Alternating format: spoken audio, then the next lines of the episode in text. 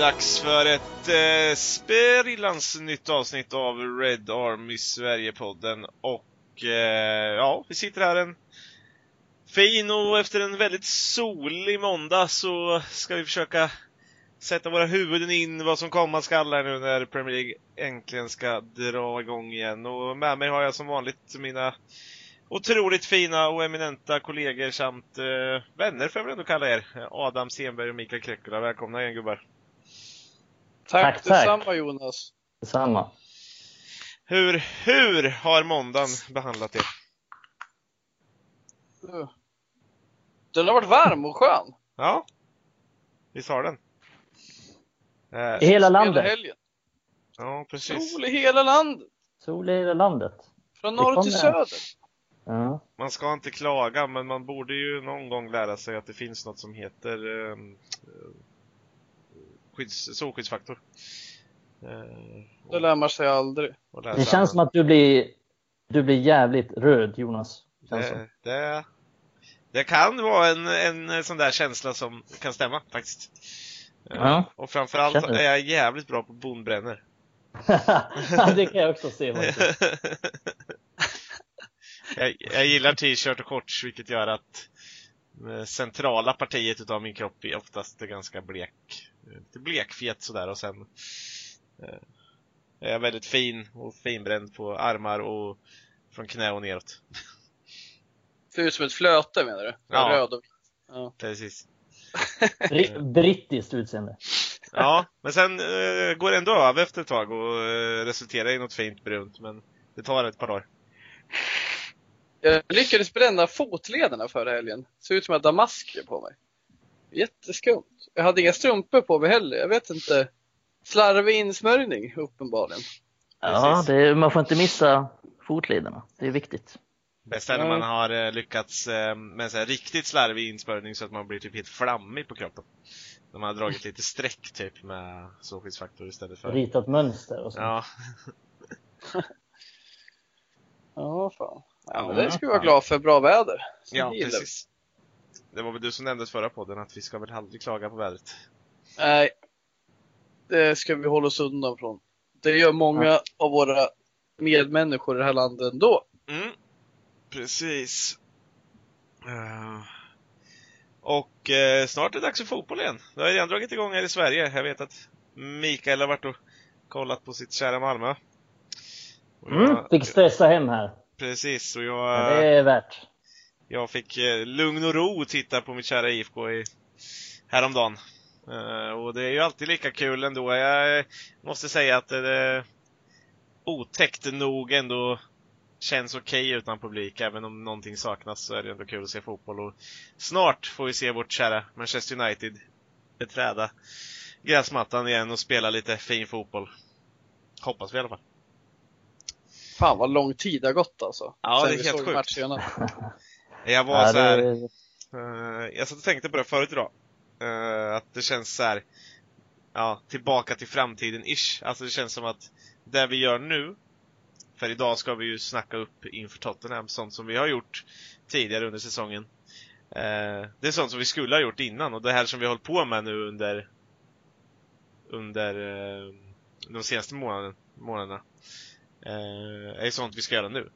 Så det känns som en jävla eh, retwist, allting bara bak och fram, omvänt. ja, vi har tramsat nog i flera månader här nu. Precis. Eh, Så att jag är oerhört glad att vi kommer tillbaka till någon form av vardag även här i podden. Eh, Men eh, vad säger ni? Ska vi köra igång med lite ja, Tottenham-snack helt enkelt? Mm. För Bra. fan! Före saten var kul. På fredag smäller det. Ja, Mm. fredag den 19 på midsommarafton. Första jävla besöket på Tottenham Hotspur Stadium. Ja, den har de hunnit få klart eh, och, och spelat in nu också ordentligt. Visste ni att de var typ byggt den med tusen pers mer än Arsenals redan? Det är så här retant eh, lite över. Det är så här, men eh, 60 000 det får räcka, det går till budgeten. Nej men fan kläm till lite till så kommer vi förbi Arsenal. Det är fan ingen slump. Nej, det är verkligen inte. Hade varit kul om det var 6001. Eller 60 Ja,000. där precis över. Ja. Det hade varit roligt. Nej men det är Tottenham Hotspur som står för eh, motståndet och eh, eh, man får ju en känsla av ovisshet kan man väl tycka. Eh, för att man, man, man känner ju att man inte vet någonting. Jag har aldrig känt mig så här eh, ovetandes inför en fotbollsmatch. Eh, för om man tittar eh, på en premiärmatch eller någonting sånt där inför säsong så brukar man ändå ha en känsla. Man har sett eh, försäsongen, man vet att laget har byggt upp så här. Men här hoppar vi in med X antal omgångar kvar för, ja det är lite olika för olika lag. Men ehm, Ja, jag känner mig lite så här, man är lite bortom allting. Vi, vi ska möta José Mourinho men eh, som som ska känna oss, men frågan är om han känner oss och frågan är om United känner Tottenham nu. Som eh, till exempel har tillbaka en Harry Kane, men vad har ni för känslor kring matchen? Ja, det, är, det är intressant eh, det du säger, för jag håller verkligen med dig. Eh, med, eh, innan, eh, innan säsongen blev avbruten, eller uppehållet kom, då hade man ju en jävligt positiv känsla. Då kände man, ja, jag är fan helt säker på att vi slår Tottenham nästan. För de hade Harry Kane borta och de hade en inte så bra form. Vi hade en jävligt bra form. Men nu är det, det är verkligen ovisst nu, men känner mig ändå försiktigt positiv till den. Eh, speciellt med tanke på att Rashford, Pogba tillbaks. Eh, så att det känns, det känns bra, men som du säger ovisst. Svårt att säga. Det är ju något det här med att vi vet ju inte riktigt dagsform på spelare. Eh, det är knappt som man vet vilka som är tillgängliga, även fast vi har hyfsat tillförlitliga rapporter och vi har kunnat sett på sistone vilka som har spelat i träningsspel och sådär. Men just att du nämnde Mourinho, det är egentligen det enda vi vet, att den där killen kommer ställa till så mycket antifotboll det bara går i den här matchen. Eh, jävligt tråkigt mittfält i Tottenham som vi kommer möta. Eh, blev av med Eriksen sedan en tid tillbaka. Endon Bele är inte den tesmaken som Mourinho gillar. Eh, jag fattar inte. Han är skitbra, men liksom, det har inte funkat. Han har inte varit jättebra i Tottenham i år. Liksom. Men eh, det är en sån här spelare som man tror ska kunna få det där mittfältet att ticka. Eh, nu när Eriksen har varit frånvarande och så.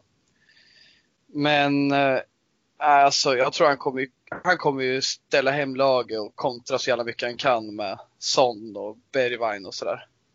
Mm. Det kan jag ge mig fan på. Och, och då tänker jag så här. Det innebär att vi kommer ju inte kunna kanske kontra lika mycket som vi vill. Eh, Vi kommer nog behöva ha lite mer bollinnehav i den här matchen. Mm, Jag skulle gissa på att vi kommer ha typ, inte jättemycket bollinnehav, men vi kommer ha snäppet mer, typ 55 procent. Och det kommer innebära att Ole eh, får en utmaning han inte riktigt gillar. Nej, inte, inte i den här typen av matcher i alla fall. Han har ju visat att han kan hantera det bättre om vi, om vi ser på de sista tio matcherna eller någonting. Men då, då var det ju ganska många lätt, eller så enklare matcher. Tranmere, Club Brygge, Derby, Lask och så vidare.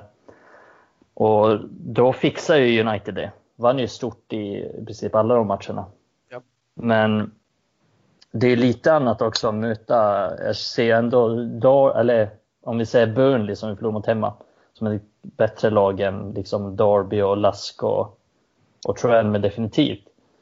Så att, vet inte ändå om det går att jämföra de matcherna. Men i den här typen av matcher så har United velat kontra mer och, och jag tror precis som Adam att United inte kommer få kunna kontra lika mycket som man kanske vill. Så att det blir en annan typ av match. Och sen blir det också att kommer Pogba starta? Det går lite rykten om att Pogba inte kommer starta den där matchen.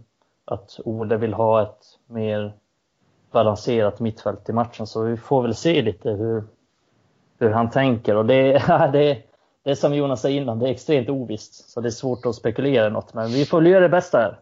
Men det känns ju som att vi går in, eh, eller Manchester United går in i ett, i ett direkt fystest nästan det första som händer. För tittar man och tittar jag på Tottenham och så som man kan tänka sig att de ställer upp så, så lär det ju bli rätt fysiskt eh, stora, rätt starka spelare med, med, med eh, Harry Kane tillbaka till exempel och en backlinje som är rätt rätt så trög i, i, i stora delar men väldigt fysiskt stark. Eh, Mm. och eh, och så har man visst Jungmin Son och de här spelarna då som absolut kan som kan göra någonting. Men man, man kommer ju sakna en Dele Alli och där tappar man ju någon form av eh, styrka. Eh, efter hans eh, avstängning efter det klumpiga Twitter, var på Twitter han la ut det där va? Ja, jag tror det. Ja, men de tappar ju någon slags kreativitet på mittfältet. De har Precis. inte jättemycket kreativitet där. De har ju, så jag tror ju att de kommer försöka spela mycket på kontring. Mm. Raka bollar på Son och Kane. Precis, och de kommer inte våga stå så högt. För är det någonting Mourinho vet känns det som så är det ju att han, han möter ett lag som har en snabb offensiv. Mm. Eh, alltså säg att United eh, pillar in James, Martial och Rashford i den startelvan på något sätt. Så vet Mm. han ju om att här här kommer det kunna springas ifall de får för mycket ytor och vi sitter med Han kan ju inte ens använda sin eh, sin yngling, han eh, sin lilla depp där som han trycker in Tanganga, han ser ut att missa den matchen. Mm. Han är ju alltid någon sån han tar upp. Han tar alltid upp en per lag. Ja, Eh, vad heter han? David Santon tog han upp i Inter, som det inte blev något stort av direkt. Santon som Eh. Newcastle sen. Precis, och sen uh, McTominay var väl lite hans i United då. Nu har han där Tanganga i, i Spurs. Han tar alltid upp någon så här lite, alltid samma typ av spelare nästan också. Mm. Ja, men, men lite så. Och, och eh, han, han, Tangangas styrka var ju att han var snabb. Han fick ju spela några av de här eh, svåra matcherna för Spurs eh, innan uppehållet. Eller avbrottet om man säger. Och, och, och bara för att han är så pass väldigt snabb och en, en försvarsspelare då. Men nu när jag inte ens kan använda honom, nej men då blir det den där tröga backlinjen. Jag vet vi pratade om, om Tottenhams dåliga ytterbackar sist vi pratade Tottenham. Eh, och, och jag vet inte Adam, jag vet att det var du som tog upp det då eh, ganska mycket men, men den, den positionen har ju inte förändrats för dem direkt. Det är fortfarande Nej, samma tröga ytterbackar. Ja, det är så skumt. för Han har ju testat och kört lite med trebackslinje och lite med wingbacks och sådär. Och det är ju knappast det man ska göra när man har så klena ytterbackar. Eh, I och för sig har det funkat för United trots vårt bristande kompetens som wingbacks liksom. Men, men för Mourinho, det känns som han greppar efter halmstrå liksom. Fem raka eh, matcher utan seger har de ju. Och det är en sån här grej som jag sitter och funderar på liksom. Det är inte mycket som ska eh, kunna stoppa oss här. Men sen slår man sig på kinden och inser fan hörru. Alltså vi har ju problem när vi är lite favoritskap. När vi ska styra matcherna. Det här är ju lite eh, Det här är ju inte så att Solskär njuter. Eh, han är ju snarare njuter när vi har mött ett lag som där vi är underdogs. Ja. Men sen vet jag att de har testat och laborerat lite för att han har ju varit utan Kane som sagt. Och det är klart att eh, man behöver göra något annat. Han har ingen ersättare offensivt. Han har ju kört Del Alli som någon slags eh, striker under eh, Kanes absens och så. Eh, men som sagt, eh, jag har fan ingen aning hur han kommer köra och det här med backlinjen är intressant också. Jag läste någonstans att eh, Jan Fertongens kontrakt eh, går, går ut om två veckor. Så han är, kan ju diskutera med andra klubbar. eh, Och sådär. Så jag vet ju inte ens om han är tillgänglig heller Nej. för spel. Han är inte purfärsk så det är inte så garanti att han fortsätter i klubben. Nej, han är väl förmodligen en spelare som kanske inte blir kvar särskilt länge till.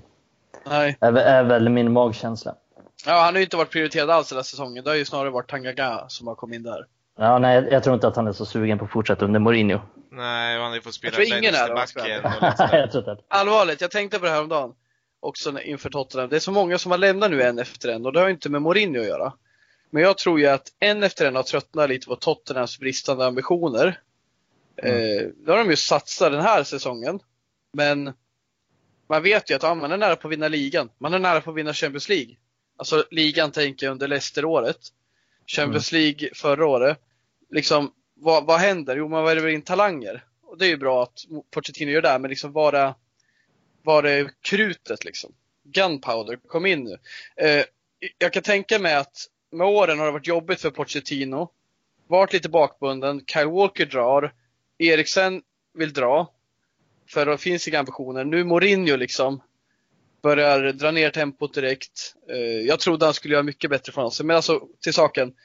Jag, jag har jättesvårt att tro att många av de här bärande spelarna vill vara kvar på lång sikt. Eh, Medan typ Lucas Mora är glad att han får spela, om ni förstår. Men Jung Son tror jag inte är skitsugen på att skriva på nytt kontrakt. Eh, han har ju ögonen på sig någon. Till skillnad från eh, liksom Harry Winks eller Mora.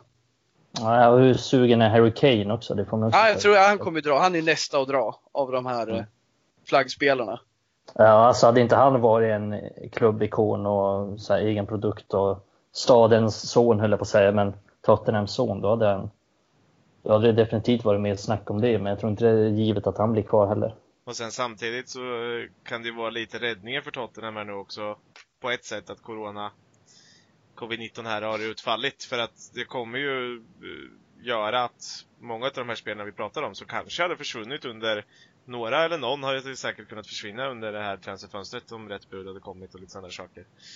Ehm, de kommer ju bli kvar för folk kommer inte ha råd att köpa en Harry Kane nu. Det är ingen som kommer slänga iväg de pengarna på en nyligen varit skadad, eh, eh inte riktigt bevisat sig den här säsongen. Eh, Jungmin Son också eh, haft lite problem med skador och sådär. Eh, Dele Alli, ingen som kommer ha råd att köpa heller. Eh, Ingen som vill köpa heller. ja, det, det, det finns det säkert. Jag tror säkert att ett Manchester City skulle kunna lägga in ett bud där om de hade... Nej, det tror jag inte. Ja, det är ändå en engelsman vet du. ja, vad fan. Ja, de behöver dem där. Ja, det är sant. Du köper ju Fabian Delph och... Precis. Annars, annars går de väl in och värvar någon billig engelsman från något lag. Eller en britt i alla fall. Eh, nej men så att det, det, det gör ju att de här spelarna kan bli kvar, så någonting måste de ju göra Mm. och frågan är om de kommer ju fortsätta med den där satsningen. Uh, kan jag väl tycka är lite intressant. Men eh, Nej, det är lite ovisst hur de kommer kunna göra det där på ett bra sätt. United har ju en stor fördel skulle jag säga.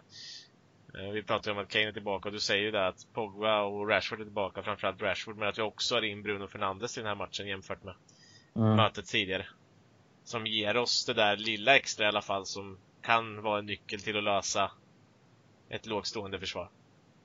Ja, definitivt. Vi har ju som den Pogba och Bruno Fernandes nu och de är ju verkligen nyckeln i kreativiteten. Vi har ju bra anfallare som Rashford, Martial, eh, Greenwood till exempel, men vi har inte riktigt haft mittfältarna som slår bollarna till dem. Och nu har vi ju Pogba som är mm, Pogba har ju nästan, alltså bland mittfältarna skapat fler chanser än, eh, än de flesta mittfältarna i United. Så att på sina få matcher, han har bara spelat sju matcher eller någonting. Eh, och Bruno Fernandes har ju bevisat sin kreativitet också i de få matcherna han har spelat. Så att det är ju verkligen ett stort lyft att vi har de två. Sen om de två spelar samtidigt, det återstår väl att se. Men båda två kommer ju, jag kan nästan lova att båda två kommer att spela någon slags roll i matchen. Alltså att båda två kommer få speltid. Så att vi kommer definitivt få nytta av dem. Det, det är utan att tveka. Men startar vi de två? Tror ni det? Hur ser det ut? De, eh, det ryktas ju ganska hårt nu om att Pogba inte kommer starta. Eh, sen vet jag liksom inte vad alternativet är och vad, vad tanken är att det ska vara istället. Men jag antar väl att han har ju i 35 av 47 matcher United spelat 4-2-3-1. Mm. Och jag antar att han kommer vilja starta någonting liknande. Och då kommer han väl förmodligen ha Bruno Fernandes som 10 och så kommer han ha Matic och kanske McTominay eller Fred eh, bredvid. Så jag antar väl att det är det som är tanken. Mm. Och jag tror att eh, Alltså går man på Solskjers uttalanden och sådär så, så, så låter det väl som att ja, vi inte ska tro att de kan spela 90 minuter och på något sätt så är det en liten underton i de där eh, intervjuerna att eh, ja, med de här spelarna, han menar de här spelarna som har varit borta och skadade och då eh, länkar han väl in Rashford i det där också. Så, men Ja. det, det är lite underton när han pratar Pogba just där väl att han kanske inte inte kommer starta. Eh, inte Nej, en startman nej, i början i alla fall. Nej, Eh. precis. Vi får ändå komma ihåg att han inte har, jag tror att det var i december han spelade senast. Jag tror det var Boxing Day han spelade. Ja, Liksom. så att det är, det länge är, sedan. ta- det är, med, det är ett halvår sedan. Så att, men eh, ja, det finns ju också fem byten nu så att det finns ju lite möjligheter att chansa med. Det känns ju inte som man ska bli för... Man ska ju inte bli förvånad om Pogba inte spelar. Och samtidigt så är det klart, alla vill väl se honom liksom. Men Mm. Jag känner väl spontant att typ i den här matchen, du nämnde balans förut Mikael, det är liksom mm. inte, det är inte den här matchen man direkt kommer sakna honom. Jag tycker det är ett jättestarkt mittfält med eh, Matic, Fred och Bruno. Eh, det är ju där vi hade mot City liksom. Och det funkar ju bra. Eh, sen när vi möter ett ännu mer defensivare lag än jag tror Tottenham kommer vara. Då kommer jag tycka att fan, kör ut dem liksom. Kör Pogba till vänster, Fred till höger och eh, Bruno framför i någon slags tremanna mittfält eller, eller testa en eh, diamant. Men, mm. men jag blir inte ens ledsen. Jag kan tycka det är okej okay att låta han hoppa in med 20 minuter kvar och sen starta nästa match för eh, vi har bra alternativ. Vi har inte ens nämnt, nämnt McTominay. Nej men precis. Ja. Och där är det väl lite så här om man tittar till, till hans eh, alternativ nu är plötsligt. Nu kan han ju laborera lite efter hur, hur matcherna ser ut också. Att eh, när man har dels ja, det här alternativet exakt. att kunna byta olika, ja men om man då sätter Pogba på bänken från början, vilket också säkert han skulle kunna, man skulle kunna intala honom och köpa liksom just för det här. Ja men då har man ju ett sätt att har vi 0-0 fortfarande och känner att vi har läge att trycka på. Ja men släng in en kreativ till då. Ja, då får, vi, då får vi offra en av de här balansspelarna i, i Fred eller Matic eller vem det nu som kommer starta där då. Mm. Men, men han, är, han är ju rädd för, för Tottenhams omställningar. Mm. Han, det är väl det är så jag tolkar det. Alltså, United tror att de kommer ha majoriteten av bollen. Lite som Adam sa, jag tror inte att United kommer äga totalt, men jag tror att United kommer ha lite mer boll. Och då är det rimligt att han är rädd för Son och Kane och så vidare i djupled och behöver lite bättre täckning på mittfältet. Så att det är väl inte alls orimligt, men det känns ju lite surt om, om, om det är ju bara spekulationer, om Pogba inte startar. För man vill ju ändå se Pogba, Bruno. Men det kanske är fel match att starta dem i. Jag vet inte. Ja, men känslan är väl lite där. Jag är lite inne på Adams spår att jag inte... Det, är inte någon undergång för mig om inte Pogba startar just i den här matchen. Det finns ett par matcher kvar och, och, och, och låta oss få se Bruno och Pogba spela ihop. Mm. Eh, så inte sådär. Men, men är vi så säkra på, alltså vi tänker just de här bakom Pogba, eller bakom Bruno i det här fallet då, som vi ändå, vi får väl ändå anta att Bruno kommer starta. Så länge han mm. håller sig frisk. Ja, han startar det. det. In, han, bara han håller sig frisk in till på, till på fredag här nu så, så gör han väl det. Och, och bakom där då har vi ju ändå de där alternativen som ni, ni har dragit upp nu. Det är ju Matic, Fred, McTominay och, och, det finns väl en del saker som talar väldigt mycket för Matic som inte annat. Dels att eh, ja, det var väl Solskjaer där också, någonting så här som hade kommenterat ut att han var väldigt imponerad just av formen Matic hade kommit tillbaka i, till exempel. Hur bra tränad han var och sådana där saker. Eh, ja. Och, eh, ja, vi har ju nämnt det förut hur mycket bättre defensivt det har blivit med Matic på plan. Mm att, eh, jag vet ju att, och jag förstår att alla inte älskar Matic för han är inte den spelaren han var. Men däremot så har det varit så tydligt under slutet på januari och i februari liksom att det har blivit stabilare än det var eh, ett tag där när vår form var som värst vid årsskiftet. Eh, mm. Och det finns ju statistik på. Mm. Och, ja, jag tror Matic är given faktiskt. Eh, om vi kollar på träningsmatcherna som United spelar mot West Bromwich eh, nu för några dagar sedan bara. Då spelade ju Matic tillsammans med Pogba och Bruno på mittfältet. Så det är ju också en indikation på att ja, de ville testa den formationen och, och jag tror att Matic kommer vara given, speciellt i en sån här match. Hade det varit eh, eh, Burnley hemma så är jag inte säker på att Matic hade spelat, men nu är jag ganska säker på att han gör det. Och det här tycker jag är intressant, för jag skulle säga att Fred är given med. Jag, mm. jag har så svårt att se att eh, Solskjaer petar den efter den här säsongen. Nej, och vi säger så här, nu, nu är mitt minne inte helt färskt, men har han gjort någon dålig match egentligen? Eh, sen han började komma igång liksom. Har han gjort, han har väl gjort någon platt match, precis som alla skulle kunna göra någon platt match här. Då man inte kommer upp i fas. Vi säger Burnley. Det var inte många som var bra säger vi. Mm. Eh, men jag håller med dig om Matic. För att han har en så pass eh, egen roll i det här laget. Att vi mm. ser Fred det är ingen som riktigt dig... kan ersätta honom på samma sätt. Nej, faktiskt inte som det ser ut just nu. Nej, och... och uh, Fred, uh, han har varit så pass bra och gett oss så mycket i att återvinna uh, tillbaka bollen och så vidare. Uh, McTomin har ju inte varit dålig, men han känns lättare att peta liksom. Även Mm. Freds eh, faktiskt bra länk med Bruno där som sen han kom in. Mm. Eh, Mm. De hade ju, hittade varandra ganska bra och Fred kom eh, faktiskt ännu mer till pass även i offensiven.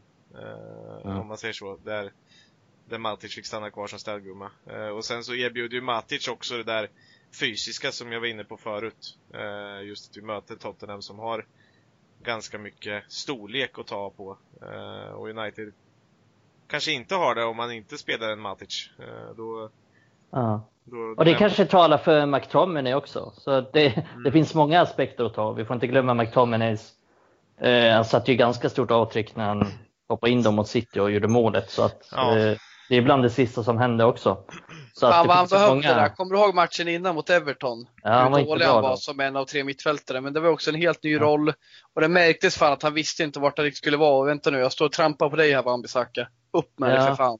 Eller eh, så flyttar jag någon annanstans. Exakt. Det blev väldigt, eh, det var, det, vi hade snackat om det och det var intressant att Ja. se att han testade någon slags diamant. 4-3, ja det var nästan så här 4-3-1-2 någon Ja. typ av. Ja men lite mer rakare mittfält absolut Mm. än en diamant liksom. Mm. Och McTominay funkar inte bra. Alla andra Nej. kom lite mer in till sin rätt. Men McTominay och Wan-Bissaka de stötte på varandra eh, ineffektivt då. Ja, de stod och men- höll hand där på kanten. Jag vet inte vad som hände där. Det var någon slags blind date där mellan dem. För att de hade ingen kemi Ja. heller. Så att det var verkligen en blind date. Eh, nej, nej, jag håller med. Det talar lite emot honom. Så. Men det beror också på för att vi har ju sett i större matcher. Ola har ju valt trebackslinjen många gånger i stora matcher också. Så att det är inte otänkbart att eh, för Luke Shaw, om vi går till snacka backlinjen, har fungerat exceptionellt bra i en trebackslinje. Och jag tycker han har varit helt fantastisk i, eh, som mittback. Så att det är väl inte otänkbart att, att den formationen kommer fram heller. Så att det, det är ovisst på många sätt. Det är så sjukt vad det passar honom. Det är alltså alla hans bra attributer kommer fram där. Mm. Passningssäker, Mm. eh, liksom Läser Inte- spelet ganska bra. Ja, absolut. Och hyfsad i luften. Så här hyfsad man behöver vara ändå. Behöver inte vara grym i luften för att vara en Nej. av tre mittbackar, men så pass bra han behöver vara. Och, Ganska eh, fysisk, eller så fysiskt stark. Liksom, och så här. Alltså att han går in i dueller. ja, Det är egentligen det som behövs, att man går in i dueller. Man behöver inte vinna dem alltid. nej. Så jag tycker han driver upp bollen och blir så, på så vis nyttigare offensivt än han är på Snabb vänsterkanten. Precis, jag tänkte säga det. Han är ju nästan bättre offensivt därifrån också. Ja, men kommer ihåg den här matchen när man nästan bara var bättre offensivt som en av tre mittbackar än han någonsin var? Nej, men nu tar jag väl i. Men det Ja, var som att han tog Williams plats Mm. mitt i allt. Ja, och Williams var wingback. det. Exakt, vi snackade om det då, för att det blev lite oklara roller där, eller, eller om det var tänkt. Ja. Det kan ju också ha varit så, för att Williams stannar kvar många gånger och Luke Shaw följde med upp. Solskär hade ringt Chris Wilder bara, hur fan gör du med överlappande mittbackar? Jag tänkte ta Mm. Shaw till vänster. Fuck off son! Bara, och sen Darmian, just det, fan jag sålde honom till Parma eller vad fan var Ja, det? men Darmian är också en sån som passar ganska bra i trebackslinjen. Han är också, ja men, därmed är ingen spelare för United såklart och det visar sig, men han är ganska pålitlig i sådana situationer. Vad är det med United att ha sådana där spelare? För vi får väl ändå säga typ att det är ju Marcos Rojos kanske bästa position, där han har gjort bäst insatser också. Som en av tre mittbackar. Mm. Där han gjort Fast den är ingen flest tre tvåfotstacklingar. Ja, precis. Ja, det är han. Aldrig ett rött kort. Nej, det var sjukt. kort. Det var, vilken säsong var det? Det var ju helt sinnessjukt att han aldrig fick rött där. Ja, det var då när han var så här, ordinarie under Mourinho. Ja, precis. Nej, det var ja, riktigt stört. Att vi klarade oss undan. Ja, alltså Ja. det är Vem också lyfter ni en varningens finger för då i Tottenham? Vem är ni orolig för? Son. Är det så? Jag är lite orolig för Mora. Jag tror Är det så? Ja. Jag tänker på han Bergman, han är sån jävla... Fan vad bra han är. Nej, vet Ska- fan. Jag också säga att han är fan kompetent alltså. Ja. Men som brukar inte vara lika bra när Kane spelar. Nej, och det är Kane sant. brukar aldrig vara bra mot United. Nej, Nej. så att ingen av dem kommer vara bra. Bra. Kommer du ihåg när eh, Lindelöf klappade till honom så han höll på att jula ut ur plan? Vet du om han skadade? Fan vad ont det måste ha gjort. Lindelöf skulle ju rensa bollen och Kane hade kvar foten där. Ja. Fan. Det var en av Kanes många långtidsskador. Ja, det gör så jävla ont just det. Ja, det och det var så synd för det var det sista som hände, så synd för Kane då. Mm. Fan inte kul att ta men. Lindelöf visar hård sida, det gillar vi. Nej Mm. men för fan, vad heter det? Det är väl inte säkert att om, om vi om fortsätter på backlinjen så blir det ju lite som en nystart och eh, jag tänker om det är givet att han startar. Harry Maguire, det är 100% bensäkert att han startar men Mm. jag tror väl att det lutar åt att Lindelöf startar men det skulle inte bli förvånad om Erik Bailly startar. Eller vad säger ni? Jag tror att Solskjaer kommer säkra upp en Lindelöf, men jag tror att Ja. Bajy kommer få spela snart mot en klubb där han inte är lika eh, rädd för eh, Bajys antics. Liksom. Jag Mm. tror inte han chansar Bajy i den här matchen. Däremot tror jag att Bajy kommer få spela snart, för jag tror att Ole gillar honom väldigt mycket. Han gillar Transebe också, får jag känslan. Mm. Och det är gör- intressant, för ens Ja. Tornansebe plats är ju, i ma- i, han kommer inte ens få plats på bänken i en sån här match. Nej, men det är också, jag läste någonstans att han vill ha en snabb mittback. Och det är därför han gillar Transebe och, eh, Och Jones. Också. Mm. Ja, Jones också. Jones, den... Eh, Jones framtid känns inte... Nej, och nu är han skadad också. En oklar smäll på eh, ja, någon form av träning. Och han var ju inte ens med i de här träningsmatcherna mot West Bromwich, vad vi kunde se. Nej. Så att, eh, lika oklart som han hade någon skada mitt under säsongen där. Eh, klubben rapporterade inte ett skit om den skadan. Nej, men det är för pinsamt att berätta vad han har gjort. Han, han har ju skadat fler än han skadat sig själv till och med. Ja. Kommer du inte ihåg när han eh, fick Rooney få det här jävla jack i pannan? ja. Fan, det ser ut som en skräckfilm. Phil Jones har typ hoppat upp med foten två meter upp i luften och träffat Rooney. Så jag fattar inte vad han håller på med på träningarna. Mm. Nej. Det Jag tycker det, det är synd om honom. Det är, Synd om honom. Ja, Han det- vill ju bara väl. han ville Det bara kan man ju väl, säga att det- han, han, han är ingen som går och Det latar sig på planen. Det är hans, Nej. det är hans mod och eh, känslor som gör att han hamnar i konstiga situationer på planen. Ja. Det här när han nickar undan bollar i sork, dödar höjd och så vidare. Mm. Det är ju så han, ja. Ja, det är så han är. Det är den gode Phil. Mm. Jag vill säga, det är svårare att tycka, alltså det är lättare att tycka illa om någon som inte ger allt på plan. Om man säger så. Ja, men så är det ju. Eh, Och Ja, men han är inte provocerande på något sätt. Han är ju bara... Det har bara gått ut för. Och skadorna Ja. har förstört honom. Mer eller mindre. Alltså så. Men han har många år kvar på kontraktet. Så. Men den här skadedetaljen är väl någonting som har vänts till Uniteds fördel. Vi ligger ju faktiskt, eh, från att ha varit i ja, toppen utav eh, skadetabellen under typ hela året så är vi faktiskt ett av lagen som har minst skador. Mm. Eh, du har bara Jones uppskriven på skadelistan just nu. Eh, som saknar. Mm. Det, är, ja, det är lite intressant. Det var ju mycket skador, speciellt under slutet av förra säsongen. Mm. Det kan väl eh, delvis förklaras med Solskjaers träningsmetoder. för Han var väl inte riktigt nöjd med hur, hur vältränade spelarna var under Mourinho. Mm. Har man ju fått intrycket av. Så att han ökade väl träningsdosen ganska rejält. Och, och under sommaren så gick han väl ut själv och sa att kommer träna stenhårt under sommaren. Så att Mm. det blev väl lite mer skador. Alltså det blir en, när det blir en annan typ av träning så är det lätt att man skadar sig ganska snabbt. Men innan man vänjer sig vid den typen av träning. Men nu är väl känslan av att alla har kommit in i det mer så att det behöver väl lösas upp. Men å andra sidan är United United och United har alltid varit skadedrabbade.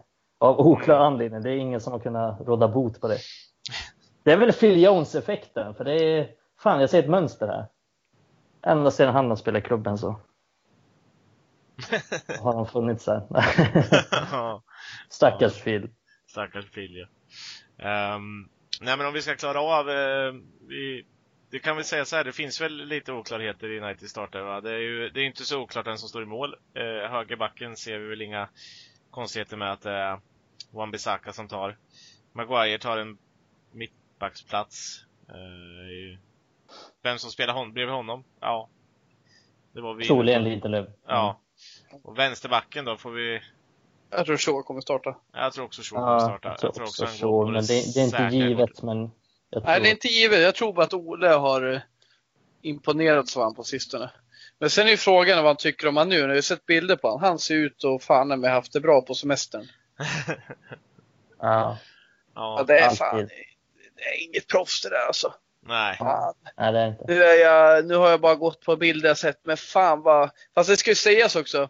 att Det är bra Rooney- för honom. Rooney hade ju också sådana perioder när han kommer tillbaka. Ja. Men han får väl ändå sken av att oavsett hur han ser ut så ger han ju allt och är 100% sen. Mm. Eh, Men det ska vara med och vara med. Han är fan inte ensam om att se ut som ett uh, kakmonster när han kommer tillbaka, så är det ju. Ni såg väl Kevin De Bruyne när han kom tillbaka till City nu? Nej, till och med lyckats. Nej, det såg jag inte. Har inte sett det? Kevin De Bruyne, det är okej. Han är fan bäst i ligan. Ja, han drar ju eh, på sig lite dubbelhaka till och med. Eh, Ah, Okej, Shaw till vänster eller Williams. Den är inte riktigt klar. Där, Mm. Ja, men det, är, det är bra för så att Williams har kommit i alla fall. Det har fått honom att vara Där, kvar. är- mm. det absolut. Och, Eh, Men det eh, blir väl så, tänker vi. mm. Och sen så eh, tippar vi på Matic och Fred, eller? Ja, Jag gör det i alla fall. Ja. mm, jag tror det. Ja. Och Bruno framför. Och sen har vi de där tre där fram då. Eh, jag antar och tror ändå att Rashford kommer starta om han bara är fit. Jag tror att Rashford och Martial, det känns givet. Ja. Sen Sen är det är det James eller Greenwood. Jag tror det är eh, James. Jag vill att det är Greenwood. För jag tror att Greenwood kommer eh, vara mer nyttig mot Tottenham. mm. Men då kan vi också gå tillbaka till den här träningsmatchen. Då startade eller då hade United, eh, för de som inte vet, så hade United två, det var två olika matcher. Och då hade United två olika laguppställningar och i ena, ena laguppställningen så var det en backlinje, en, vad ska man säga, reservbetonad backlinje. Och i det laget spelade sen på mitten spelade Matic, Pogba, Bruno. Och framåt så var det Martial, Rashford och Greenwood. Och i det andra laget så var det, ska man säga, den ordinarie backlinjen. Då var det från Bissaka, Lindelöf, Maguire, Shaw. Och så var det ett lite mer reservbetonat mittfält och framåt. Då var det Pereira, Mata, Igalo och så vidare och så vidare. James bland annat. Men Fred och Så- McTominay spelar väl där va? Ja, precis. Ja, Men- Det talar ju verkligen för Greenwood alltså. Mm. Men vi vill ju sidan, se Greenwood, vi vill ju att han ska spela. Eh, Och framförallt i en sån här match. Han har ju större chans att vända in utanför straffområdet och bända dit en boll, eller trycka dit en boll, än vad James har. Och James styrka kommer ju inte komma till pass mot ett lag som kommer troligtvis stå lite lägre. nej, det är svår sits. Jag hoppas också på Greenwood, men det gör mig inte så mycket om James startar. Men ja, jag, jag tror James startar, men Mm. fan vet. Vem, vem fan vet det? Nej men jag, jag, jag tror James startar. Hoppas på Greenwood. Man det- hoppas ju alltid på Greenwood. Det är inget emot James, men fan, jag vill att Greenwood ska spela. Ja, ja men det, det, det har ju sina fördelar. Förlåt James. Förlåt, En James. liten filosofisk fråga då. Vi låtsas att Martial går sönder i den 60 minuten. Eh, vem 60 tar vi in? eller 16? S- Ja, vi kan ta 16 eller 60. Mm. Vem tar vi in eh, av eh, James och eh, Igalo? Igalo. Jag tänker att man kan rakt byte och ta in Igalo. Ja. Eller ta in James som liksom är högre i pecking order och ta in Rashford till i Mm. mitten liksom. Ja, nej. Ja, Ja, jag säger. Igalo ändå. Igalo säger jag nu också. Sen får vi väl se om, om ett sådant scenario kommer. Vilka andra förutsättningar det finns, hur matcherna sett ut innan och så. Men, men ja, Igalos är på rak arm. Fan, jag är sugen på att se honom spela alltså. Han har ju inte startat den enda Premier League-matchen, Nej. har jag för mig. Och ändå gjort sån impact och framförallt nu mot City senast liksom, vad han är mysig. Mm. Fan vad jag gillar honom. Och att, eh, ja, ja men det känns som en, han kan göra skillnad mot Tottenham, det tror jag absolut, om han kommer in sen. Det är så skön lirare, vi leder med 1-0 och Martial eller Rashford skulle bli lite trötta liksom. Martial, eh, i alla fall Rashford är ju lite mindre speltid den här säsongen. Kan Mm. mm. Igalo komma in och suga in lite bollar liksom. Ja, det är en skön eh, addition. Lite annorlunda Ja. spelare. Ja, men en sån vi inte riktigt har. Men en sak Nej. jag tänkte på, jag vet inte om ni har tänkt på det här, men eh, jag antar att ni också har sett lite Bundesliga. Ja, lite grann. Mm. Och jag vet inte om ni har tänkt på det, men jag tänkte på det innan. Då tänkte jag, undrar hur hemmaplansfördelen kommer se ut nu utan publik. Kommer den vara lika stor som den har varit? Eller kommer det ändras någonting? Och nu är det inte så stort underlag, men eh, Bundesliga innan corona, då vann för, hemmalagen 43,3 procent av matcherna. Och efter coronan så vinner hemmalagen 21,7 procent av matcherna. Så att eh, det, inget stort underlag såklart, men det är ganska stor skillnad. Så att jag undrar, det ska bli intressant att se just den här matchen också. Eh, för det är en fördel United att den spelas utan publik, tänker jag. Med tanke på att det är bortaplan och så. Så att jag är verkligen nyfiken på att se hur allt sånt kommer påverka den här matchen. Och som sagt, jag tror att det är en fördel United där. Och, mm. Ja men det är jag helt med på. Så blir det ju. Nej, jag tror inte att det påverkar nästan någonting helt plötsligt. Eh, och då är det... Där går Ja, det... jag tror att det kommer påverka just att Tottenham kommer ju inte få samma stöd och United blir ju Nej, det blir på samma energi. Nej, men- men det- Samtidigt så det behöver United tappa ju på hemmaplan. Men jag menar just att, att, kanske. en, att en bortamatch inte kommer påverka någonting den här gången. Alltså det, det påverkar inte United att åka till Tottenhams arena just för att det, det kommer vara samma sak som att spela på Trafford. Ja, nej precis. Så Vi är för tomma det är ja, men precis. Det är många så här, om vi säger icke jättefotbollsintresserade, men så här, som är statistikintresserade, som, som har velat liksom kolla, gräva ner sig i det här. Varför spelar hemmaplan så stor roll i fotboll? För det är Jonah Hill o- i Moneyball. Exakt, lite så här moneyball-figurer. För det är ju, det är ändå, det är inte helt ologiskt, men det är ganska ologiskt. Att vissa lag är så extremt mycket sämre på bortaplan än vad de är på hemmaplan. Och ja, det, det kanske är publikstödet som är den stora grejen. Som är den stora skillnaden. Man har ju, man har ju spekulerat i så här, nej men upp- det blir inte samma uppladdning, det blir inte samma det, det blir inte samma det, man måste resa och så vidare. Och så vidare. Men resan, jag vet inte, det är inte så jobbigt och de åker liksom dagen efter och så. Och sen United bor ju ändå, fast United spelar på hemmaplan, så bor de ju på hotell innan. Eller samlas på hotell innan. Och så det blir ju lite liknande uppladdning på bortaplan också. Så att det kanske är publikunderlaget som är den stora skillnaden. Så det, det ska bli intressant att jämföra. Och, ja, jag tror att det, det kommer vara en, en fördel för United i den här matchen. Och, och om vi kollar på storlag överlag, nu är väl inte så jättestor skillnad mellan United och Tottenham, men Bayern München har vunnit varenda match, tror jag, i Bundesliga. Dortmund har vunnit varenda match, förutom den mot Bayern. Eh, Real, både Real och Barca har vunnit sina matcher i La Liga. Så att de bästa lagen har inte tappat poäng. Och det är också intressant, det här med publikgrejen. För att jag Mm. tänker ju att möter United Burnley borta, då är det ju en stor skillnad om... Fan vad jag tar Burnley som exempel hela tiden. Det är det enda som dyker upp i min hjärna. Nej men då har ju, då har ju Burnley den... Då säger jag, då är det ju det vi liksom oroar oss för. Ja, men det är en liten tajt arena, publiken kan nästan riva Fellaini i håret. Liksom det, är, det är på den nivån, så det är ju det man oroar sig för i sådana matcher. Och utan publik, då försvinner ju den aspekten. Och jag skulle inte vara rädd att möta Burnley borta utan publik. Alltså tänk er själv. Fan vilken mycket enklare match. Tänk Stoke Verkligen. borta, alltså Stoke i sin peak. Det var ju jävla vildhundar på läktaren, känns som. Ja, men När man- ligans när man fyra sämsta lag på bortaplan är Norwich, Aston Villa, Watford, Bournemouth. Det är ingen slump liksom. De vinner ju sina hemmamatcher, eh, eller när de vinner så är det ofta hemma. Och på bortaplan Mm. då räknar de inte in några poäng. Nej, just Aston Villa är väl extremt, extremt dåliga på bortaplan. Mm. också så, de spelar oavgjort mot United också, vilket är kul. Och sen Men- ser man i botten på hemmaplan, det är Southampton, West Ham United. De är inte säkra någonstans, men samtidigt, de vinner lite mer 50-50. De vinner lite här och där. Liksom. Ja. Så det är, det är en intressant spaning. Och jag tror inte heller det kommer vara jobbigt att åka till Burnley. Vilket kan ha varit förut, för de har stökat till det. Men, Mm. eh, ja. Nu jag tänkte så här, men, men Paul Trafford, då tar vi dem, men det gör vi inte. Men historiskt sett har det varit det. Det handlar ju mer om vår situation nu än annat, men historiskt sett har vi inte haft problem mot bottenlagen på hemmaplan.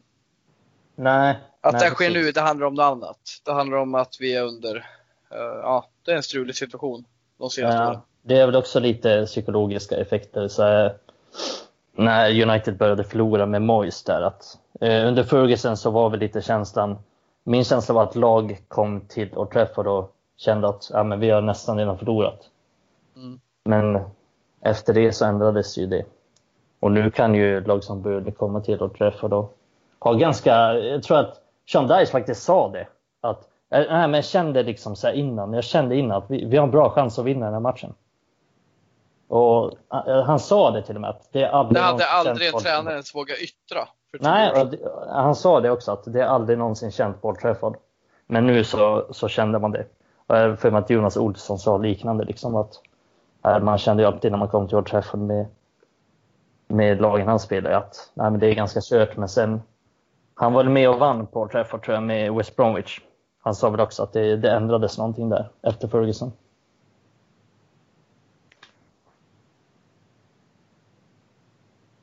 En eh, djup suck från Jonas när han Ja. inser att vi inte riktigt är där vi var. Han inser att Jonas Olsson har gjort mål på Old Trafford. Det har han väl? Var det inte Att Jonas, något- att Jonas Olsson har spelat på Old Trafford. Men fick han inte något skott på sig så gick det Jo, eller? de sköt väl honom i arslet eller något va? Ja. Vi förlorade väl den matchen eller något. Ja, jag tror, jag tror det. Jag tror det var- fan vad tragiskt. Jag tror det var Chris Brunt som sköt honom i arslet. Klart det var. Ja. Chris Brandt, jävla, jävla träff han har på bollen alltså. På någon Ja. jävla frispark eller någonting sånt så drog han den i röven på honom och så gick den, styrde den sig. Han spelar nyligen, han- är kvar i West Bromwich tror jag. Han Ja, kommer aldrig ja. lämna West Bromwich. jag tror faktiskt han ska lämna West Bromwich. Nej men eh, han Ska spelar... han tillbaka till Sheffield Wednesday eller? han spelar med, med West Bromwich, eh, reservlag mot United. Han ju fan out of pace där till och med. Han är så här, hängde inte med Angel Gomez och de där. Jävlar han drog i tröjan och sparkade ner folk. Och... Nej, skön kille ändå. Får man säga. Bra vänsterfot. Hård vänsterfot. Ja, verkligen. Han tar i allt han kan. Jonas Olsson goal gives West Brom shock win at Manchester United. Det är precis som ni säger. Ja. Han är ju United-fan förresten, Jonas Olsson. Oj. Eller ja, framförallt Lindelöf-fan. Jag tänkte säga Lindelöf-fan framförallt. Nu vart det West Brom-podden, eller Jonas Olsson-podden här istället. Jonas. Olsson nätade med vaden mot United. Mm, vaden kanske, ja. Ja, sjukt.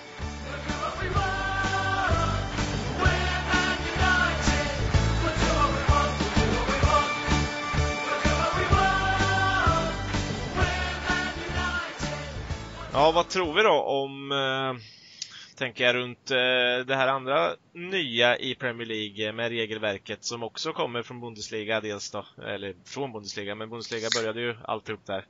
Eh, fem, fem byten får man göra under tre tillfällen och eh, nio avbytare får man ha på bänken. Hur, hur påverkar det Manchester United i, i dagens läge? Ja, framförallt så ger United fler alternativ. Eh, vi var inne på det innan med Paul Pogba bland annat som kanske inte startar men så att vi kan faktiskt byta in folk och förändra matchen, vilket vi inte riktigt har kunnat göra innan. Men framförallt så tror jag att det, det kommer ge lite unga spelare chansen eh, att få speltid, speciellt i matcher som blir tidigt avgjorda och så. Och i United har vi redan sett prov på det om man kollar på träningsmatcherna och så. Eh, när man började fylla på truppen så har ju bland annat eh, Tede Mengi som bara är 18 år och mittback som han gör faktiskt sin första säsong i U23-laget. Han spelar han faktiskt spelar U18 fotboll också halva säsongen. Eh, så han var med i träningsmatchen mot West Bromwich och han har varit en del av A-truppen nu under de senaste månaden. Så det är väl en spelare som, som verkligen skulle kunna få chansen och James Garner har blivit någon slags per, han har ju han har varit nosat lite på laget men han, är väl också, han var också med i träningsmatchen och har väl också fått någon slags permanent plats i A-truppen och Ethan Laird som är högerback har också varit med och, och tränat så att Andel Gomes fick en ganska stor roll i, i träningsmatchen mot West Bromwich. Så att eh, jag tror, tycker det är ganska givet att United kan fortsätta på ett bättre sätt med, med sin ungdomssatsning och har större utrymme att, att ge dem chansen och det ser jag som väldigt positivt. För att det här är spelare med hög potential och kan man ge dem chansen att få blomma ut så kommer det ge mycket. Om vi tänker så här.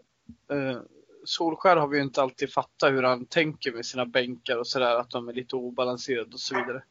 Eh, vi har nämnt det tidigare att det snarare kanske handlar om dagsform eh, hos gemene spelare än en väldigt eh, taktiskt utformad eh, bredd och eh, Mm. spets. Hur tror vi det? Kommer, han, kommer det här förändra hur Solskär tänker? Jag kan tänka mig att det kommer förändra hur många tänker som tränare. Just att, okej, eh, vi kan tänkas, vi behöver inte backa hem så mycket. Det kanske blir mer offensiva spelare på bänken och så vidare. Eh, det Mm. kanske blir, jag tänkte säga det kanske blir mer obalanserat för många klubbar nu för att, ja men, okej vi möter Burnley, nej men vi tar en annan, vi, tar, vi möter Watford. Eh, vi kan tänkas, Eller Burnley. eller Burnley, vi kan tänkas få problem. Eh, vi säger så här, Chelsea eller United, vi behöver liksom inte ta med massa backar för vi vill inte backa hem, vi vill bara köra över dem. Men börjar det knacka, då är det bättre att ha flera anfallare på bänken än flera backar. Liksom. Ja det, ja, det är intressant för det är, jag ser aldrig riktigt ett behov i en match att vi ska behöva ha mer än säg en ytterback och en mittback på planen. Eller på, på planen. det blir så. Men på bänken. Det, det ändrar liksom ingenting. Det gör, mig, det gör mig ingenting om Tede Menge skulle vara på bänken men jag ser inget riktigt behov av att ha flera mittbackar på bänken. Så där är det verkligen en poäng Adam att Eh, nu kan man verkligen laborera med offensiva alternativ. Och, och på så sätt så framförallt gynnar det offensiva spelare, men också defensiva skulle jag säga, för att man har råd. United har inte särskilt många offensiva spelare i ungdomsleden som är, som är redo att komma in på bänken. Eh, Mason Greenwood är och, och Chong är ju liksom, det är ju de ungdomarna, de har ju redan flyttats upp, så det finns inte så många bakom som är, som är mer redo för det. Så om vi kollar på de som är det, det är ju de jag nämnde. Det är Ethan Laird som högerback och Teve Menge som mittback. Eh, jag tyckte det var konstigt redan mot Astana att Menge inte spelade för eh, Dijon Bernard. Men eh, så blev det inte och det antar jag är för att Bernard är äldre. Men nu verkar ju Menge gå före. Men då men nu har man ju lite möjlighet att, att flytta upp dem och som sagt United har inte så många offensiva om vi säger att om vi fyller på truppen, United har ju fyllt på med ungdomar. Det är inte så att United hittar en Marcus Rojo och slänger in honom på bänken, utan det är ju ungdomar som, fyller, som kommer fylla på. Mm. Och det är, det är så det har sett ut den här säsongen. Så att jag antar att det, att det blir lite mer defensiva spelare i så fall. Men det skulle vara en Dylan Levitt som kanske kan blanda sig i något sånt där också. Ja, ja precis. Ja, det, det kan det vara. En av mittfältare eller back eller så, men ingen riktig striker ser jag som skulle kunna vara riktigt redo för det här. Och det är väl inte, man har väl inte riktigt fått sken av det från träningarna heller. Att till exempel Demani Mellor som är den som har spelat striker i reservlaget eller Laci Ramazani. Ingen av dem har riktigt varit aktuell för, för några träningar nu, vad man har kunnat se eller så. Så att det verkar inte särskilt troligt att de kommer vara involverade. Utan det blir Tidemeng, Ethan Laird, Dylan Levitt, James Garner, Angel Gomez, Tate Chong. Förutom Williams och Greenwood. Jag, jag kan känna så jag hoppas att liksom Laird får lite mer plats i spelartruppen och får komma in i något naturligt. Jag kan se att när du har bara tre avbytare, då väljer du inte att byta ut en ytterback med 15 Mm. minuter kvar när vi leder med, fem, med 15-0, tänkte jag säga, 2-0. Men, Mot Burnley. Eh, mot Burnley, ja. Men i det här fallet tror jag att jag är ganska säker på att Ole kommer ju liksom ge andra speltid före ungdomarna tyvärr för att de får för lite speltid generellt, typ som Dalot eller Bajy. Att det är Mm. de som kommer in och så vidare. Eh, Dalot är en sån här som jag inte ger mycket för, men han kommer förmodligen ha en garanterad plats på bänken tills Mm. vidare. Och som jag nämnde där att ja, AVB blir aldrig utbytt, men nu kommer han kunna bli det. Mm. För du har ett till gratis byte liksom. Mm. Och, Men å andra sidan så, så är det många matcher nu. United är kvar i FA-cupen, eh, Europa League, ligan och av allt att döma så kommer väl, som jag förstått det, typ Europa League spelas klart. Eh, så att det kommer ju bli en del matcher, plus ligan då som ska spelas på ganska kompakt tid. Så att det kommer ju, jag tänker att en sån som Erik Bailly kommer ju kanske inte, ja han kanske byts in, men han kommer ju framförallt starta i en, en kvartsfinal mot Norwich kan jag se. Han kommer starta mot Lask i returen och så vidare och så vidare. Så att han kommer ju få sina matcher ändå. Så att det, det kanske öppnar upp lite för att säga att vi, vi möter Tottenham och sen hypotetiskt att vi möter Norwich tre dagar senare. Då kanske han inte byter in Bailly för att Bailly ska ändå starta mot, mot Norwich. Förstår jag tänker? Ja. Att det liksom att då passar man på att byta in sådana som typ Ethan Ladd. Hoppas jag. Ja, och, och det där tycker jag så här, det där har varit så tråkigt genom säsongen och det kommer ju öppna för mer spel för ungdomarna med de här bytena. Men Mm. typ som vi möter Tranmer, och liksom kört över dem men, och liksom haft det bästa laget. Det känns som Ole liksom, ja, och föredrar liksom spela som Dalot och så vidare. Men det är Mm. klart, det kommer bli väldigt tight nu, det kommer öppna för ungdomarna. Fan, jag är så tveksam till vad han kommer våga göra. Det är som att han vill hålla Mm. alla nöjda och det blir det sådana som Dalot Mm. eller Jones i mångt och mycket. Ja, Pereira absolut. Äh, Han Men har då vi sett bänkad nu och så vidare, men inte riktigt ur truppen så mycket som man önskade. Nej. Men just eh, vi får ju komma ihåg att Ole var rätt pressad då mot Tranmer. Det var ju inte långt ifrån att han eh, var i känslan att liksom en förlust här, då får han sparken. Så att han var ju ganska pressad under en tid där, så att det är väl rimligt att tro att han att han kände av det och liksom verkligen, verkligen ville vinna den matchen och var säker på det. Inte få någon liksom fuck up. Så att det kan väl hända att han är, att han är tryggare med, i sitt jobb nu och, och vågar ge ungdomarna chansen mer. För jag var väldigt besviken på den matchen. Tranmere som ett uselt lag. Vi, vi hade vunnit mot Tranmere med vårt U23-lag. Ironiskt nog så förlorade vi med vårt U23-lag, men då var ju halva, halva startelvan borta. Till exempel Dylan Levitt, eh, eh, några till.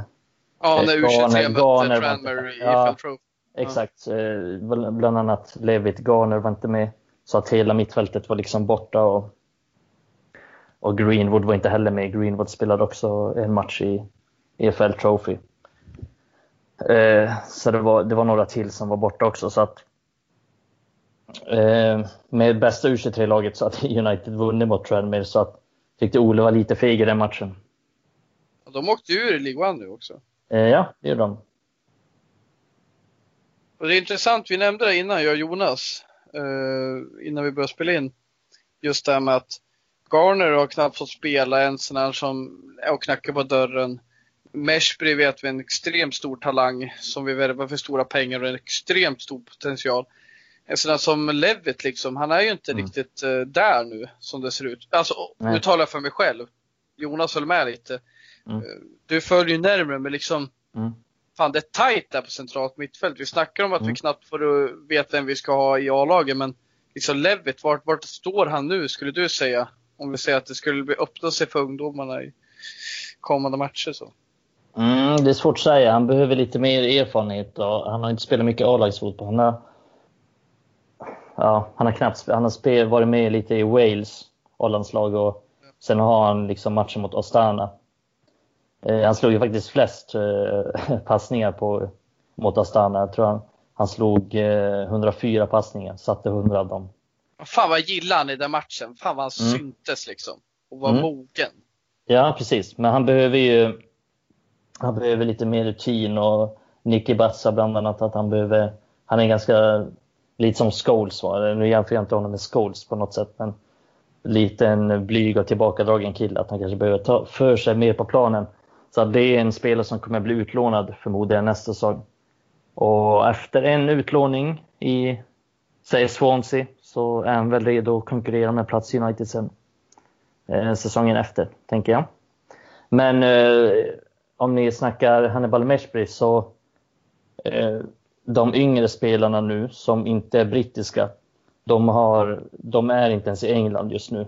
Så att det är liksom inte aktuellt att, att de är med. De, är, de har åkt till sina hemländer under coronatiderna.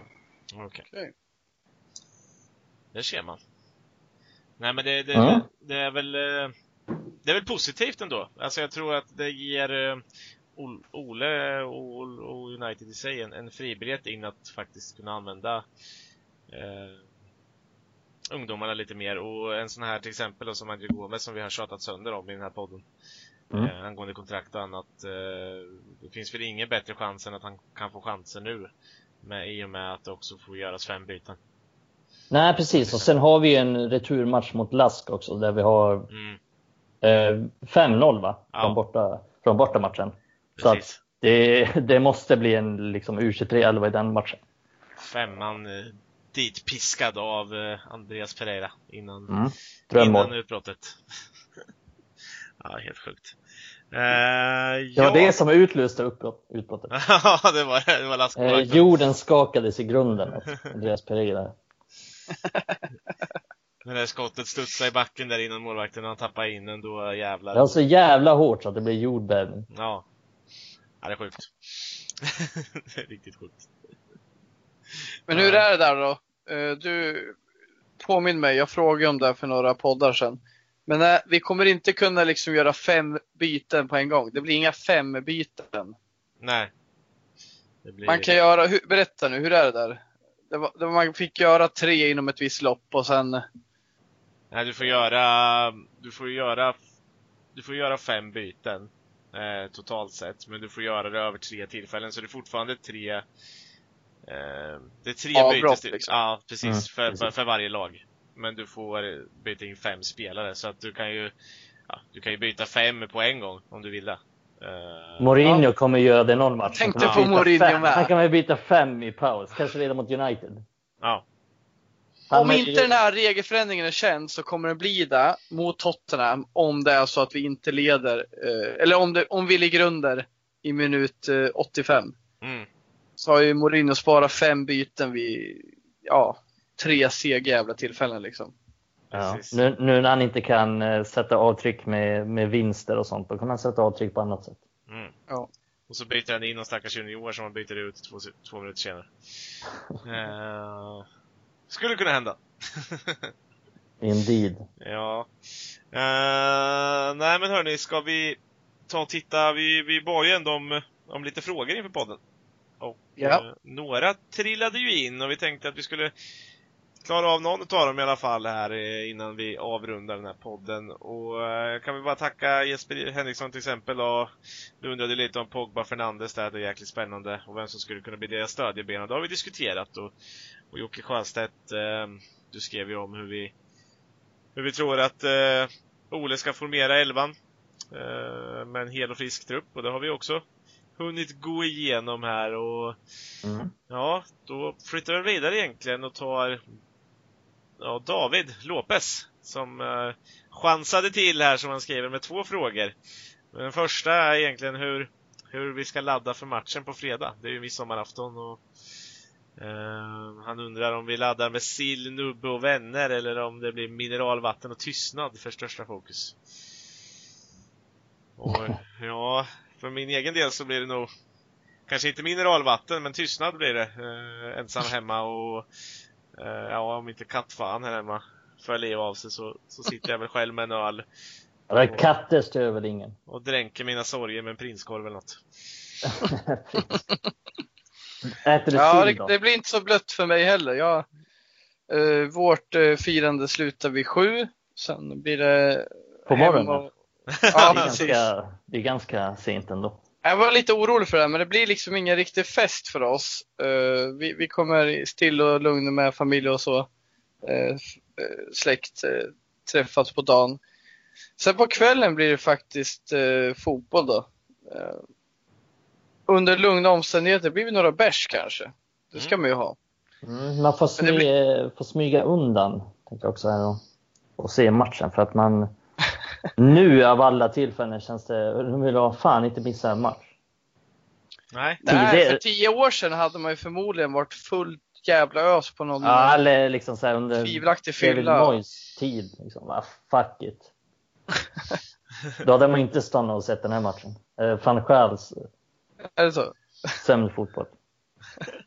Men hade det varit Jag tänker för tio år sedan hade det säkert varit dyngrak vid nio eller någonting. Men eh, ja, nu så fan. Kommer kunna ladda upp Jag kommer ordentligt. ha dyngrak nu också, men Ola Wenström med midsommarkrans, det kommer han ju ha, jag lovar det. Mm. Erik Niva kommer inte ha det. Han håller inte på med sådana dumheter. nej. Nej, det, det Och, kommer an, inte. och Anders Borg har helikoptern på bordet. Bjuder in Anders Borg till den här kvällen. Bjud in Anders Borg till podden. Ja, Ja. jag kan göra helikoptern live i podden. Se om det blir bra, bra, bra ljudinspelning. Undrar vad han hejar på. Vad tror ni Anders Borg hejar på för lag?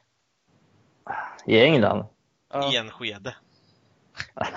Enskede i England. Ja. Enskede i Sverige.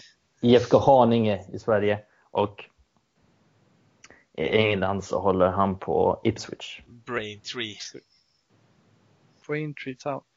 Nej men alltså, det blir nog en jävla trevlig kväll. Fan, bästa jävla... Bästa eh, midsommar på länge. Ja, precis. Säg inte det innan. Nej, vi får väl se. Men för Kan mig bli passar det jävligt... förlust och en baksmälla utan dess like. ja, det gör väl bara baksmällan värre. Mm. Vad är den andra frågan då? Eh, tror ni att Ole kommer välja en reaktiv matchplan eller vilja dominera spelet? Mm. Jo.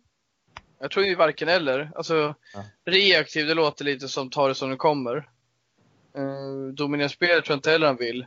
Men jag tror han inser att han måste liksom ställa upp det så att eh, lite mer kreativt än han hade gjort mot eh, City.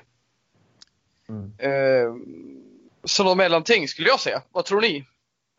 Ja, men lite som vi var inne på innan, att han, han kommer vara rädd för Spurs kontringar och därför kommer han anpassa startelvan efter det.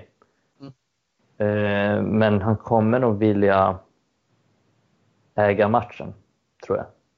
Och, och därför tänker jag att det inte gör så jävla mycket, som vi nämnde, om Pogba inte är med. För att vi kommer kunna ha mycket bollinnehav, men att ha den här stadiga grunden centralt. Pogba är fantastisk på alla sätt och vis, för han är inte den här spelaren som är på rätt plats på centralt mittfält hela tiden. Och det är därför vi har, inte vill ha en så central mittfältare. Ja. Egentligen, vi vill ha en så tia eller en av flera. Så Ja, det, inte... ja, precis. Det kommer ju bli en, förlåt för att jag avbryter, men det kan ju bli så här, ett senare problem. Eh, för Ole har ju visat att han vill spela 4-2-3-1. Och när Pogba var aktuell tidigare, då hade han ju Pogba som någon slags sittande mittfältare. Och det gillar ju vi inte här i podden, Red Army Sverige-podden. Så Mm. att det, och det, det är väl, det tycker jag är ett väldigt tveksamt taktiskt val av Ole, att ha honom där. Det är dels slöseri av resurs på Pogba, som är fantastisk i en mer avancerad, men lite friare roll på kanske säg vänsterkanten, lite att han har lite fria tyglar. Men också att det försvagar Uniteds defensiv eftersom han är en spelare som tar risker och tappar boll i lite farliga lägen, vilket vi har sett. Men eh, visst, han kan ju dra fantastiska långbollar som i premiären mot Chelsea. Fan, det är den här säsongen va? Ja, Tiden ja. går. ja, precis. Så att, mm. Bollen till Rashford där du tänker på. När han tar Mm. den och lägger den mellan benen tror jag på. Ja, men han drar väl till, till James också där på slutet. Ja, det kanske är.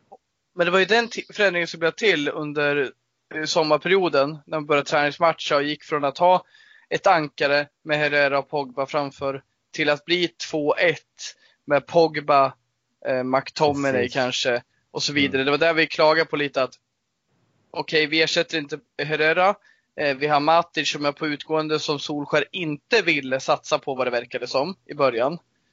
Och, och det där jag känner att vi får inte riktigt komma tillbaka till att Pogba blir en av två sittande mittfältare med Bruno framför, känner jag.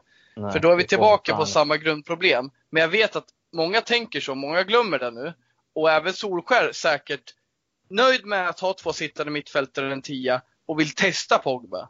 Men kommer nog inse att fan, då måste jag stötta upp mer. Då måste jag ha liksom eventuellt då Pogba, Bruno framför Matic framöver. Mm. Eh, hitta någon sån lösning för Ja men Pogba han är inte tillräckligt bra som central mittfältare. Eh, vi har inte det, alltså jag känner inte att han får ut sitt bästa. Antingen som tia eller som en av två framför ett ankare. Mm. Och det är baserat på vad han har gjort den här klubben sedan han kom för fyra år sedan. Liksom. Mm. Men det är väl samma i Juventus också, egentligen, om man, om man ser. Då hade Ja. han ju någon slags någon sån roll också, där han hade backning defensivt. Mm. Mm. Mm. Precis. Eh, hoppas att det här svaret eh, blir bra där, David. Eh, så eh, ja, får vi tacka för den här veckan. Och eh, säga att vi ser starkt i fram emot fredag. Eh, har inte varit så här taggade på länge tror jag inte. Och eh, hoppas väl att ni är med oss. Och eh, så får ni väl höra oss eh, nästa vecka eh, prata om den här matchen istället. Eh, så får vi se om vi har glada eller sura miner eller hur det kommer se ut. Eh, eh, tack så mycket Mikael, tack så mycket Adam. Tack för denna poddinspelning och glöm inte följa oss på Spotify och alla andra kanaler som vi finns på och framförallt nu var med på Facebook också. Vi drar igång igen nu på riktigt. Så att ja, dagarna blir mer normala. Vi hörs nästa vecka. Bye bye.